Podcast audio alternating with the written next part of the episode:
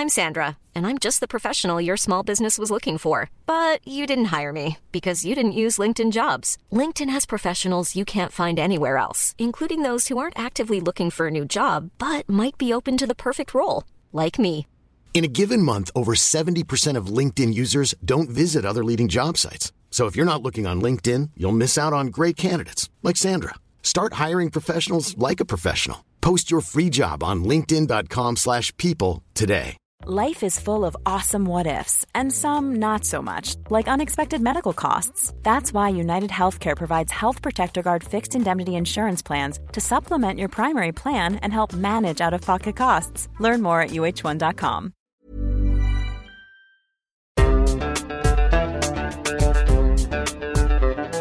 Podcast solved.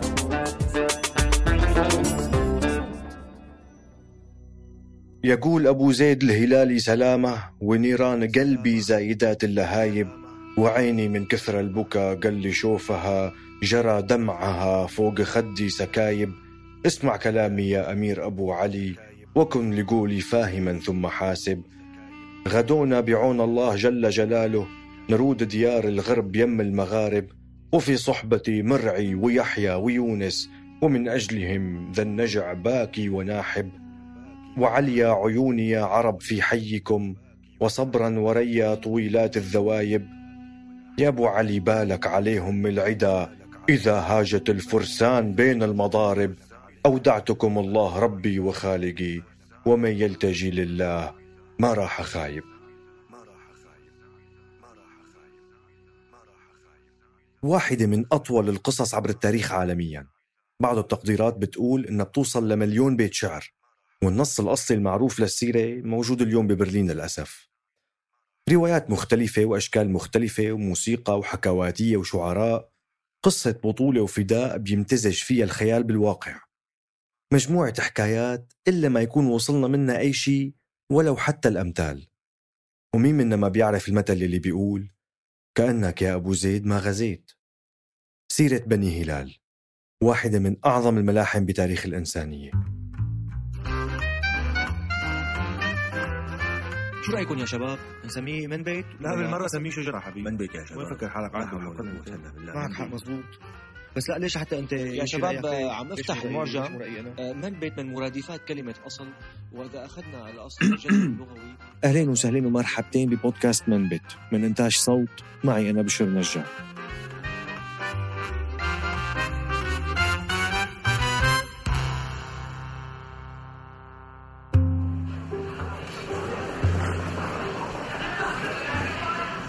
قال الراوي يا سادة يا كرام حكايتنا بتبدأ من عند رزق بن نايل.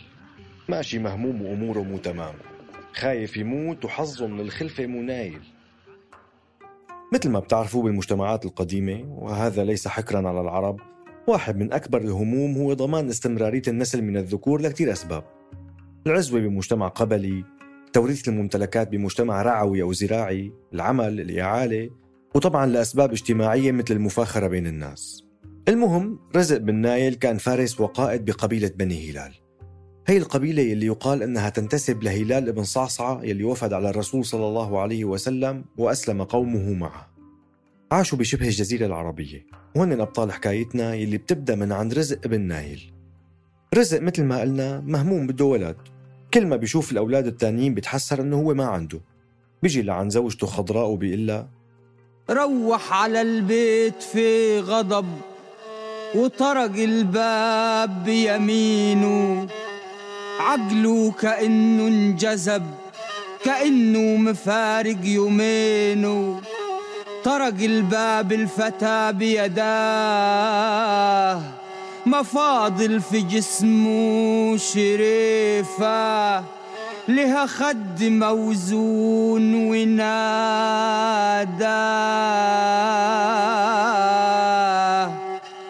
فتحت له خضرة شريفة أنا سبب بكايا ما هنتي جايبك أميرة وقرة عيوني. صورت قلب القلاقك ما هونتي خليت العرب عايروني. أنا جايبك تعمر البيت. حرة وظريفة معاني. من يوم ما وضعت بالبيت. ما جبتش عيال تاني. يعني دراما بتبدأ من بداية القصة بعقدة عدم الإنجاب. المهم خضرة بمرة بتروح مع النساء بالقبيلة على بركة اسمها بركة الطير. عادة بيروحوا النساء عليها ليتفرجوا على الطيور ويتمنوا إنه صفات طير ما تجي بأولادهم. قوة، ذكاء، هيك شي يعني. وبينما كانت خضرة عم تتفرج بالسماء الصافية استرعى انتباهها غراب أسود. أعجبت بشجاعته وقوته. قوي ومتميز ومع ذلك بتلاقي ما بده يكون هو زعيم السرب. تمنت إنه ابنها يجي مثله بنفس صفاته. وهون بنفوت بشي معظم السير والقصص الشعبية بتمرق فيه. مرحلة النبوءة. فكرة إنه هذا القادم إلى الحياة إلى أحداث الحكاية رح يكون مختلف متميز مكتوب له إنه يكون ذو شأن غير بقية الناس اللي معه. أبو زيد الهلالي. خضرة وأخيرا بتحمل وبتجيب بركات. بركات بن رزق بن نايل الهلالي. بس بحسب الحكاية بيجي مثل لو حاملة توحمته أمه. توحمت على غراب أسود اللون فبركات بيجي أسمر أو أسود البشرة. خضرا تقول يا ولد يا حلو دمك. كلام جد من هو كذايب خايف السمار يبهدل أمك يتهمون مع عبيد الجلايب هون بتفوت الحكاية بمشكلة كبيرة. اتهام خضرة بشرفها بسبب لون بشرة بركات أو أبو زيد الهلالي. وهالشي بيصير هم ومحور جزء كبير من قصة أبو زيد الهلالي لحتى يثبت أحقيته وشرفه هو وأمه. بالإضافة لرمزية لون بشرته اللي بترمز للعرب أساسا السمار. بس بالنهاية المرحلة اللي صارت فيها القصة اللي يقال أنها بالقرن الحادي عشر ميلادي الخامس هجري العالم كان كله يفكر بهالتفكير. هالتفكير ما كان غريب. هذا كان السائد للأسف. رزق والد بركات بيتضايق. بيطلب من خضرة الرحيل هي وابنها. خذي عبدك الأسود يا خضرة وارحلي. ارحلي يا خضرة ما من منزلي. ردت عليه خضرة تريد أن تجاوبه. حرة أصيلة جدي رسول الله طه الأفضل. ما فيش عبد يقدر يدخل كرومنا. أنا كرمي عالي لكن ضربه حنظلي. عجبي على راجل يعارض خالقه. وارتحلت خضرة الشريفة. انطردت من منازل بني هلال. وين تروح؟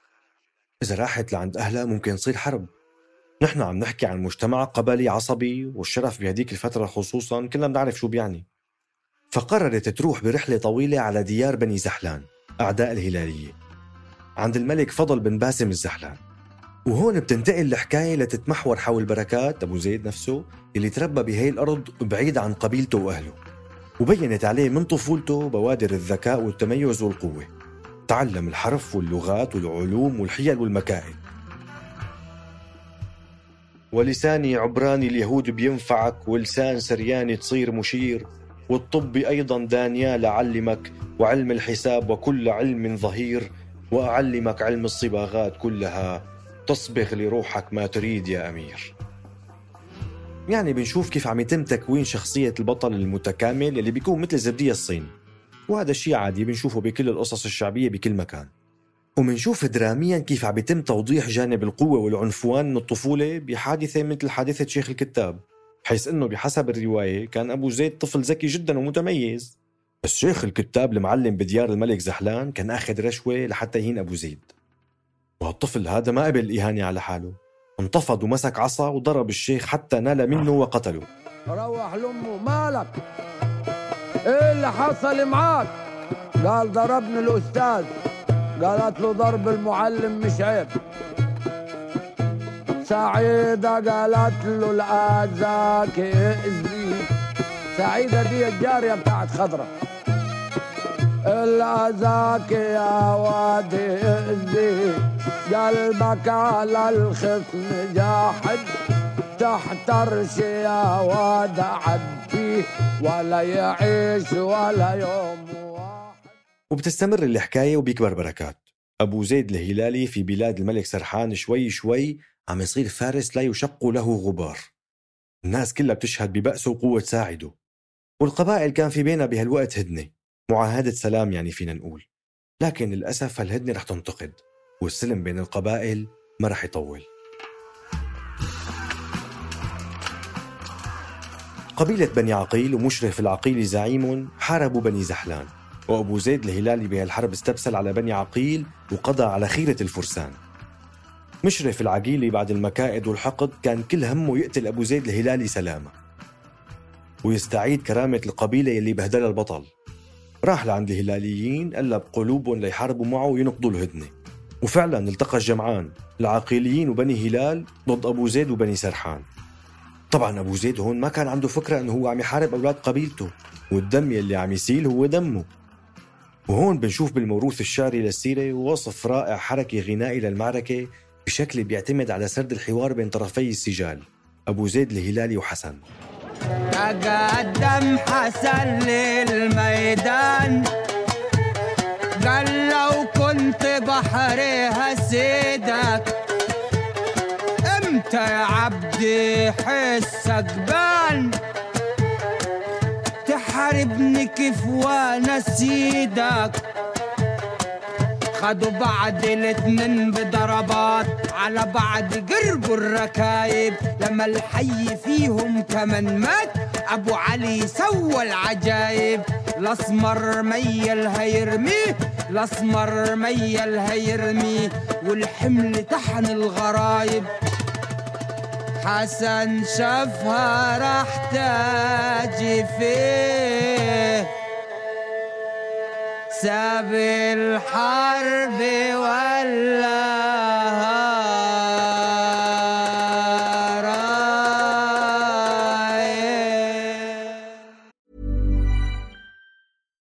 Mother's Day, celebrate the extraordinary women in your life with a heartfelt gift from Blue Nile. Whether it's for your mom, a mother figure, or yourself as a mom, find that perfect piece to express your love and appreciation. Explore Blue Nile's exquisite pearls and mesmerizing gemstones that she's sure to love. Enjoy fast shipping options like guaranteed free shipping and returns. Make this Mother's Day unforgettable with a piece from Blue Nile. Right now, get up to 50% off at BlueNile.com. That's BlueNile.com. Millions of people have lost weight with personalized plans from Noom, like Evan, who can't stand salads and still lost 50 pounds. Salads, generally, for most people, are the easy button, right? For me, that wasn't an option. I never really was a salad guy. That's just not who I am. But Noom worked for me.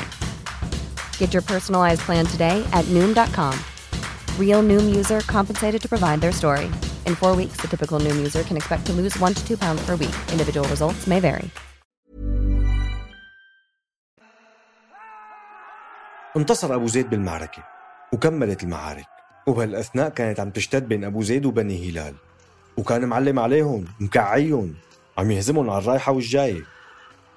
فبني هلال احتاروا شو بدهم يعملوا مع هالزلمة هاد لازم يروحوا يشوفوا شي حدا خبير بالقبيلة. مين؟ رزق ابن نايل. راحوا لعنده قالوا له لك هذا أبو زيد سلامة هلكنا. حكم علينا بأنه ما نقرب من أي كرم أي شجرة تين. قال الروح عنده بتينة ما عم يخلينا نتنفس. قال ممنوع نشعل نار أو نستقبل ضيف ولا نطلع من مضارب القبيلة. رزق انتفض عليهم وقال لهم شو هالحكي هاد؟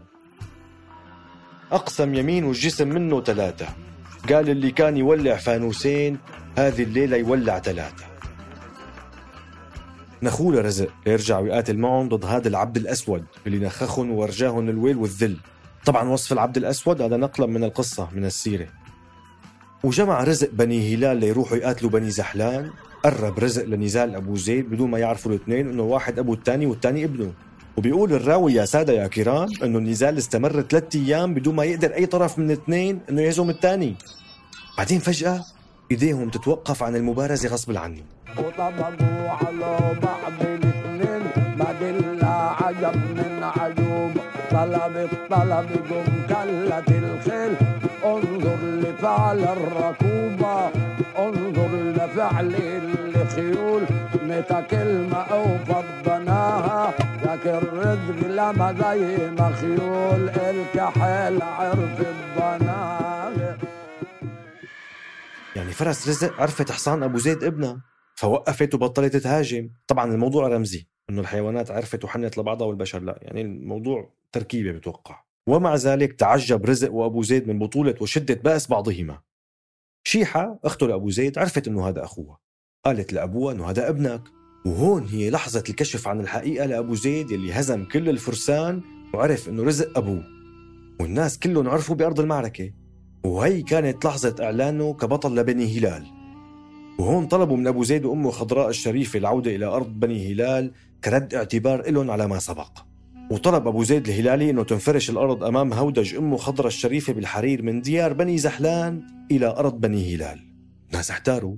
كيف ممكن يتم هالشي؟ مستحيل. تجي بنت الملك سرحان جازية يلي بيقولوا أنه من رجاحة عقلها وصواب رأيها عطوها تلت الشورى. تلت الرأي. التلت الثاني للملك لأنه ملك والتلت الثالث لأبو زيد بسبب بطولته وفروسيته.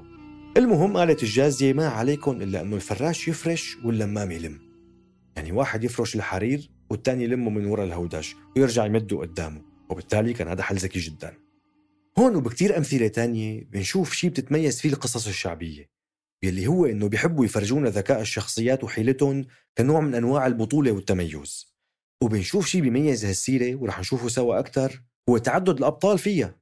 لأنه بالعادة السير الثانية المعروفة بيكون لها بطل واحد بس عنترة بن شداد الزير سالم الظاهر ببرس أما هالسيرة هي فبنشوف فيها تعدد للأبطال مو بس أبو زيد الهلالي. المهم رجعت خضرة الشريفة. عملوا فرح سبع أيام حمول البلا مش خفيفة وفرحوا أكابر وعربان على رجوع خضرة الشريفة سبب ما جرى أصلي على النبي. والبيت الأخير هاد بيتكرر بنهاية كل مقطع تقريبا. المهم بيرجع أبو زيد على ديار بني هلال بيموت الملك سرحان وبيستلم مكانه ابنه حسن. ورزق بينقتل بمعركة. وبيصير أبو زيد هو فارس الهلالية جديد بعد ما ياخذ بتار أبوه. وبينشهر كأكبر وأشجع فرسان العرب والناس بيقصدوه لحل مشاكلهم وأخذ حقوقه. مرة بتجي امرأة مع ابنها لعند أبو زيد الهلالي لتطلب مساعدته. ابنها كان يحب بنت وهالبنت بدها مهرها يكون فرس اسمها الكحيلة. والفرس وين موجودة؟ موجودة عند ديار بني عقيل. بيقبل أبو زيد اللي بنشوف بأنه مغيث الملهوف وبيساعد الناس دائما وبيروح لحتى يجيب الفرس. وإذ بالطريق بيكشف بالصدفة مؤامرة لاغتصاب عالية بن جابر العقيلي زعيم بني عقيل. بيقوم بينقذها بس بيوقع بحبها. وبتساعده بأنه يجيب الفرس وبيرجع. بس بيكون خلص نال لهيب الهوى من قلبه ويصاب بالحمى من كتر الحب يعني. فبتقترح الجازية إنه ياخذوه اثنين من رفقاته إلى ديار المحبوبة بهودج أمه الخضراء. رفقاته هن زيدان ودياب بن غانم الزغبي من قبيلة الزغابة. ودياب هذا صورته بالحكاية بكثير من المناطق العربية هي صورة البطل الشرير الخسيس. المهم على الطريق الهودج اللي فيه أبو زيد بيضيع. زيدان بيقول لدياب أنت ضيعت أبو زيد. قال له هيك لأنه بيعتبره شرير وناقم عليه. منافس لأبو زيد وبده يتخلص منه. يبدو أنه ترك الهودج يمشي لحاله أو ضيعه على الطريق بطريقة ما. بيقوم دياب برد على زيدان وبيقول له خلص أبو زيد مات. وقرر يرجع إلى ديار بني هلال ليأخذ الحكم من الملك حسن اللي كان كبر بالعمر. بالنسبة له خلص أبو زيد مات وما عاد في حدا يوقف بوشه. وبيقول بالشعر أنا السبعة أنا عد دياب أنا زعيم الزغابة كتب جوابه الوالد سرحان واللي تبلو مثله ماشي وقال له على دول يا سلطان اتنحى من على الكراسي وسيب لي المملكية. يا راجل يا عيق مجالك وأنا قادر ديك عادية سنتين أحكم بكانك وتنازل حسن لدياب عن الملك. والغريب إنه بالرغم من كل شيء عرفناه عن دياب في كتير مناطق عربية بيشوفوا دياب فيها كبطل عصامي. هو اللي طلع من قبيلة الزغابة المتواضعة قياسا بباقي القبائل وقدر يوصل لأنه يكون بطل من الأبطال. وبالتالي حلال عليه. برافو أنه وصل لهون. وعمليا كل منطقة أو قبيلة إلى يومنا هذا بتمدح بأحد أبطال القصة. سواء من الأبطال اللي عرفناهم إلى الآن مثل أبو زيد الهلالي سلامة أو دياب بن غانم أو أبطال لسه ما حكيت لكم عنهم مثل زناتي خليفة وغيره. المهم بيرجع أبو زيد الهلالي إلى ديار بني هلال وبيرجع الحكم من دياب بن غانم إلى حسن بن سرحان. وبتمرق الأيام وبعد فترة بتنتقل الحكاية فينا لأكثر قصة مشهورة من هالسيرة.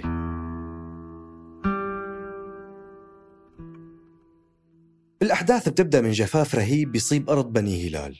جدب وقحط وانعدام مطر. سبع سنين عجاف. سنة بيموت الزرع وسنة بيموت الشجر وسنة بتنشف المي وسنة بتموت الحيوانات إلى آخره. والملك حسن بيصير مضطر يدور على أرض جديدة لينقل بني هلال عليها حتى ما يموتوا. ولازم يطلع حدا يستكشف أراضي جديدة ويعرف شو أحوالها. مهمة صعبة وما بيقدر لها إلا فارس واحد هو أبو زيد الهلالي سلامة. ومين ممكن يقنعه بالذهاب غير الجازية ذات الرأي السديد والحكمة؟ وهون بنشوف دور مهم للمرأة وحكمتها بالحكاية. مقارنة بالمجتمع العربي القبلي عموما يلي كان مجتمع ذكوري. وبتبدأ القصة المشهورة يلي اسمها الريادة. أي إنه يروح أبو زيد الهلالي يرود أرض تونس اللي اختاروها لأنها مشهورة بخضرتها وخيراتها ويشوف الجيش اللي ممكن يواجه عرب بني هلال بهجرتهم. يحاول يوقف بوشهم يعني. يعني فينا نقول عن أبو زيد إنه كان الكشاف اللي بينتفض لينقذ الناس مثل أي بطل. وفعلا راح هو ويحيى ومرعي ويونس إخوة الجازية. وانطلقوا إلى أرض تونس الخضراء اللي لما شافوها أعجبوا أيما إعجاب بخيراتها وزرعها. وقيل لهم أنه حاكمها رجل قوي فارس اسمه الزناتي خليفة البطل الثالث للسيرة. بيلتقوا ببعض الفرسان الهلاليين وعبيد الزناتي وبيتقاتلوا وبيوقعوا الفرسان الهلاليين بالأسر بس الزناتي خليفة بيترك أبو زيد الهلالي يروح لحتى يجيب الأموال فداء للأسرى الثلاثة البقيانين. وهون خلونا ناخذ لفة صغيرة لنشوف التاريخ شو بيقول عن هاي الفترة. لما بنراجع التاريخ بنلاقي إنه الموضوع كان أعقد من الحكاية الشعبية. بوقتها كانت مصر وبلاد المغرب تحت سيطرة الدولة الفاطمية، قبائل الهلاليين كانوا بديوا يهاجروا باتجاه مصر بحثا عن الكلأ والماء. كان صاير جفاف كتير كبير بمنطقة نجد بشبه الجزيرة العربية. وهن أصلا الهلاليين كانوا قبائل رحالة وصعب تسيطر عليهم دولة. بنفس الوقت خرج الأمير ابن باديس إلى تونس وأعلن من هناك خروجه على الخليفة الفاطمي الشيعي الإسماعيلي المذهب المستنصر وأعلن تبعيته للخليفة القائم العباسي السني المذهب في بغداد وهذا الشيء طبيعي يزعجه تماما الخليفة الفاطمي اللي لحتى يخلص من مشاكل قبائل بني هلال وغيرها أرسلهم غربا ليقاتلوا ابن باديس ويستردوا الأرض للفاطميين ومين واجههم هنيك؟ واجهتهم قبائل زناتة هناك ومنهم قائدهم خليفة الزناتي أو الزناتي خليفة. وهالحركة هي باتجاه الغرب هي اللي إجت منها تسمية التغريبة الهلالية اللي معروفة جدا عربيا. التغريبة أو تغيير الموضع الجغرافي غربا وصارت علامة لترحال الشعوب العربية بشكل عام. طبعا القصة الشعبية مو كتير بهمها الجانب الجيوسياسي والأسباب الاقتصادية والسياسية للحكاية. بيهمها الحدث الدرامي يلي بيشد والحدث الدرامي التشويقي بيقول أنه وصلت جحافل بني هلال إلى تونس وكان الزناتي خليفة بالانتظار. فارس لم يهزم قط. بطل حقيقي نبيل وفارس شجاع. مو يعني إذا حارب أبو زيد الهلالي بطل قصتنا بيكون معناها شرير. بالعكس في احترام بينهم لبعضهم البعض. وهالشي بنشوفه بشعر السيرة. أنا الزناتي والدي مذكور قال أنا الزناتي والدي مذكور راجل أمين ما أخونش. اسمي في الديوان مذكور. أنا زعيم أرض تونس. أنا الموزون في لف عمي. نوم الليالي معديني فأجلي ما قلتش يا عمي.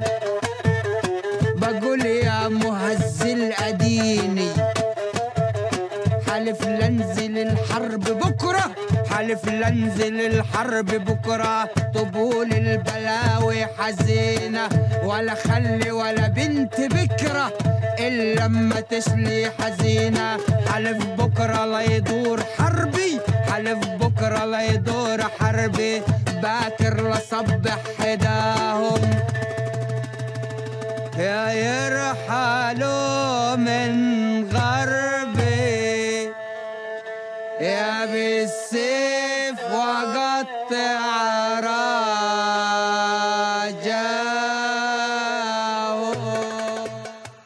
واجه الزناتي خليفة ذو الثمانين سنة فرسان بني هلال واحد ورا الثاني وهزمهم ما حدا قدر له.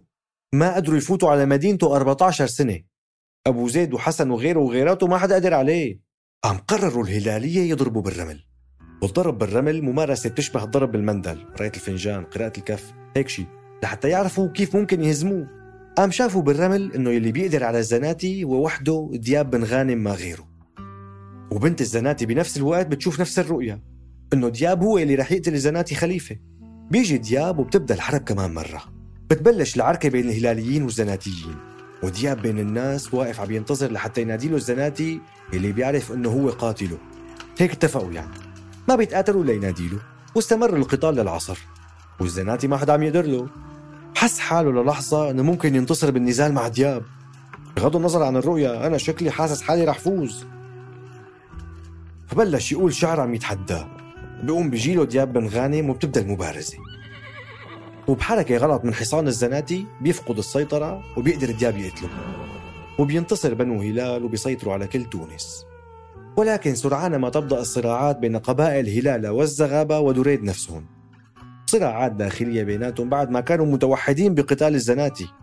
وبيبدأ التفكك بيناتهم ودياب بيتمسك بالحكم بعد قضائه على الزناتي. وبيقتل السلطان حسن وبيقتل أبو زيد الهلالي بكثير من روايات السيرة. لحتى يجي بديوان من دواوين السيرة اسمه الأيتام ابن أبو زيد الهلالي وبيقتل دياب وبيرجع الحكم لأبن الزناتي خليفة إحقاقا للحق. وكأنك يا أبو زيد ما غزيت. ما انهزموا الهلالية وحلفائهم وانقتلوا لحتى تقاتلوا بين بعضهم؟ وكأنه إسقاط على حال العرب. وهذا الشيء نادر الوجود بالسير العربية اللي عادة ما بتتعدى الكلام عن الحب والقتال وقصة البطل الأوحد والانتقام والأخلاق وخلافه. يعني ما بتدخل بإسقاطات ورسائل عبر أحداث السيرة. وبيروح الباحثين أكثر ليحكوا عن أحد أسباب تميز هالسيرة بأنها بتظهر العرب والقبائل بجوانبها السلبية والإيجابية. البطولة والفداء الغدر والطمع وبشكل غير مباشر الصراعات القبلية والاختلافات بين القيسية واليمانية. وهذا الشيء بيخليها تكون أقرب للناس بشخصياتها المركبة الأكثر شبها بالواقع في كل زمان ومكان. طبعا أنا بالنهاية ما حكيت إلا الخطوط الأساسية للسيرة وما حكيت عن قصص وشخوص وحكايات كتيرة لأنه ما بنخلص. قصص كتير بتصير مع أشخاص آخرين وأبطال تانيين ببلاد تانية. زيد العجاج بفارس والخفاجي عامر بالعراق وقصص بمصر والشام وفلسطين ونجد أرض الهلاليين وباليمن وحتى بالأندلس. ولا تزال هالسيرة حية وخصوصا بالصعيد بمصر. ويختص بحفظها وروايتها الغجر وغيرهم. وتعتبر روايتها مصدر رزق لكثير من الناس بهديك المناطق. تنقال بالمناسبات مثل الأعراس، الموالد، الطهور. وطبعا بيتم التغيير فيها لتناسب المكان والزمان والمناسبة. ومثل ما قلنا السيرة بتختلف بشكل كبير بين شمال وجنوب مصر. وبتختلف بالشام والمغرب الكبير وبتختلف بين المكتوب في الكتب والمنقول شفهيا. أما فيما يخص شخصية أبو زيد الهلالي فصارت عدة دراسات عن حقيقة وجوده وحدوث التغريب الهلالية من أصله وخلصت إلى أنه جزء كبير من الحكاية حقيقي. طبعا التفاصيل الأسطورية أو البهارات الدرامية هي بتضل ضرورية كونها حكاية وليس توثيق. المهم أن تظهر بمظهر البطل المغوار الذكي الأزعر العاشق الحبيب القوي الكريم المقدام. نشوف ذكائه بتنكر وتحدثه بعدة لغات مثل بقصته مع الملك الدبيس الأعجمي اللي أسر عدة أمراء هلاليين مرة فراحوا أهاليهم لعند أبو زيد وقالوا له روح انقذهم الله يخلي لنا إياك. فما كان في قدامه إلا أنه يعتمد على ذكائه. بتقول السيرة؟ حتى لم يعد يعرفه أحد. وقصد الملك الدبيس وحادثه باللغة الفارسية. فلما رآه الدبيس تلك الصفة ظن بأنه من دراويش الأعاجم. فاحترمه وقال له من أين أتيت يا ابن الأجواد؟ قال من مدينة بغداد وإني من فقراء عبد القادر رب الفضائل والمآسر. فقال ادع لنا يا درويش الأعاجم بالنجاح والانتصار وأن الله يرزقنا بأبي زيد المخادع المكار حتى نقتله على رؤوس الأشهاد ونبلغ منه سرور الفؤاد. وهو الذي كان السبب في قدوم بني هلال إلى هذه المنازل والأطلال. فإذا أجاب الله طلبك بلغناك إربك. فتعجب أبو زيد من هذا الكلام وقال له بلغك المراد وما دام كذلك أريد منك أن تأمر لي بالذهاب إلى البلد. فسمح له بالذهاب وأمر الحجاب أن يفتحوا له الأبواب.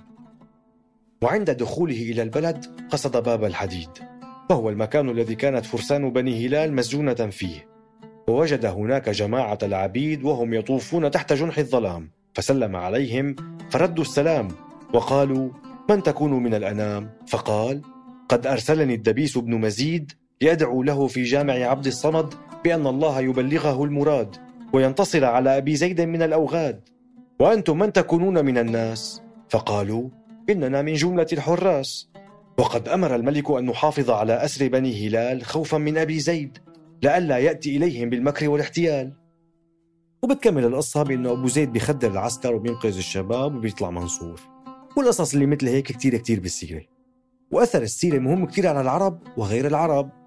على العرب لأنه بيسمعوها بيتفاعلوا معها مثل ما بيتفاعلوا مع مباريات كرة القدم بنفس الحماس والتشجيع. لدرجة أنه مرة في رجل فقير كان عم يحضر السيرة من الراوي بأحد المقاهي وهالشخص بينتمي لنفس قبيلة الزناتي خليفة وبينتمي لنفس الإمارة يعني. المهم قام دفع كل شيء معه مصاري للراوي لحتى يغير القصة ويخلي الزناتي يتغلب على أبو زيد. باطل.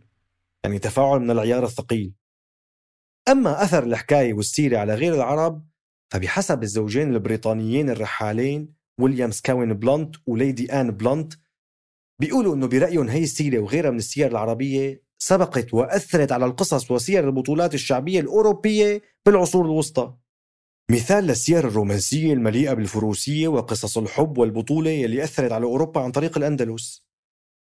وبيقولوا إنه أساسا فكرة الفروسية شيفلري وصلت من الأندلس لأوروبا وانتشرت بمعظم ممالكها، فرنسا وألمانيا وبإسبانيا كثير انتشرت. مغامرات ورحلات الأبطال من أجل الحب أو الفداء وأخلاق الفروسية والفرسان كلها وصلت من العرب عن طريق سير مثل سيرة بني هلال ومعارك وتناحر بين الممالك والعائلات وحتى الشعارات على الدروع والتروس بيقولوا إنها إجت من الوسوم اللي كانت تنحط على الإبل عند العرب وحتى أنه الأثر وصل إلى مجالس ملوك فرنسا مثل شارلمان المهم وبغض النظر عن هالكلام إذا كان مبالغ فيه أو مثبت تاريخيا وعلميا إنما ما أريد إضافته شخصيا هو أنه هالسيرة لا تزال تروى على الربابة والإيقاع بعدة مناطق من مصر وغيرها. وانقرضت بمناطق تانية مثل بدمشق مع انقراض الحكواتي. ما عاد في حكواتية هلأ. انتهى مع انتهاء ثقافة المقهى تقريبا وحلول التلفزيون مكان هذا النشاط الثقافي. وحتى يمكن ما عادت موجودة بكثرة بالمغرب اللي بيرويها الفدوي المغربي وهذا شيء طبيعي. بس بيبقى الشكل التراثي للسير والحكايات مثل بكتير ثقافات تانية. المناس بقرغيزيا يلي بتصل لمليونين بيت شعر بحسب التقديرات. قصص عن بطولات القرغيز والمغول بشيء مشابه يعني لقصصنا وسيرنا. وهذا شيء طبيعي يعني منتشر بين دول العالم القديم. في عندي رسالة صغيرة هيك زبدة الكلام برأيي الشخصي حابب لكم إياها. إنه مثلا قصص كتير واردة بأفلام أجنبية مثل The Lord of the Rings, The Hobbit, هاري بوتر، روبن هود وغيرها من أشهر الأعمال العالمية المشهورة جدا والمحبوبة جدا جدا تعتمد على الحكايات الشعبية لعدة قوميات وشعوب اسكندنافية وإيرلندية وألمانية وإنجليزية وغيرها. كلها أعيد صياغتها وكتابتها وإنتاجها بشكل جميل جدا ومبهر لتصير أعمال خالدة. يعني أعيد تقديمها بشكل يناسب الزمن اللي نحن فيه وبأدواته المتطورة. ما ضل التراث عم يندثر شوي شوي مع الوقت مثل حالة قصصنا وحكاياتنا الشعبية إلا من بعض المحاولات البسيطة مثل مسلسل الزير سالم مثلا وبعض الأفلام والمسلسلات الثانية بس كل هذا بضل ضعيف إذا بنقارنه باللي بنشوفه برا وبالتالي بيصير المشاهد العربي بيستهلك منتجات ثقافية ما بتشبهه ولا من بيئته هذا الشيء ليس بالضرورة سلبي برأيي ولكن ناقص وناقص جزء كبير لأنه بتضل قصصنا وسيرنا أقرب لنا. وأبو زيد الهلالي سلامة. ولو ما بنتفق مع كثير من القيم والأفكار اللي بسيرته وسيره بني هلال إلا انها بتضل حكاية وبنقدر نعيد تقديمها بشكل أنسب لعصرنا الحالي. لعل شابا أو صبية بالنرويج أو أمريكا أو الصين أو زامبيا يوما ما يشوف قصة أبو زيد الهلالي سلامة ويتعلق فيها مثل ما تعلقنا بهاري بوتر وروبن هود وغيرهم وفي النهاية أقول أودعتكم الله ربي وخالقي ومن يلتجي لله ما راح خايب